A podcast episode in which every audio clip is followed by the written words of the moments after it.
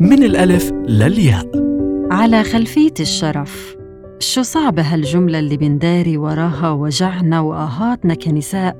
لما بنسمع إنه فلانة قتلت على خلفية الشرف أنا بس بدي أسألك سؤال.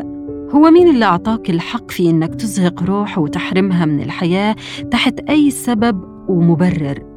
كتار هن النساء اللي انقتلن واندفنت معهن قصصهن وضلت وراهن روايات انقتلت على خلفية الشرف.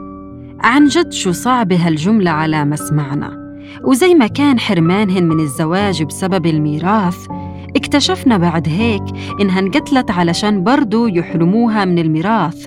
إذا كان الحرمان صعب كمان القتل أصعب وأصعب لأنه بتكون انقتلت مرتين مرة لما قتلوها ومرة لما قالوا عنها ماتت على خلفية الشرف. وفي الوقت اللي الكل بيشهد بأدبهن وأخلاقهن كانت شهادة الأهل مجروحة وللأسف هالشي أعطى الحق لبعض الأهالي في إنه يتخلصوا من بناتهم وزوجاتهم لهذا السبب الغير شريف لحتى يطلعوا منها براءة أمام المحكمة.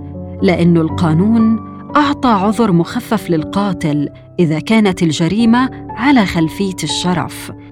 علشان هيك لليوم النساء بينقتلن وبيندفن معهن سرهن وبتروح قضاياهن أدراج الرياح. إحنا في النهاية محتاجين لقانون يحمينا ويردع الجاني وما يعطيه الحق يقتل تحت أي سبب.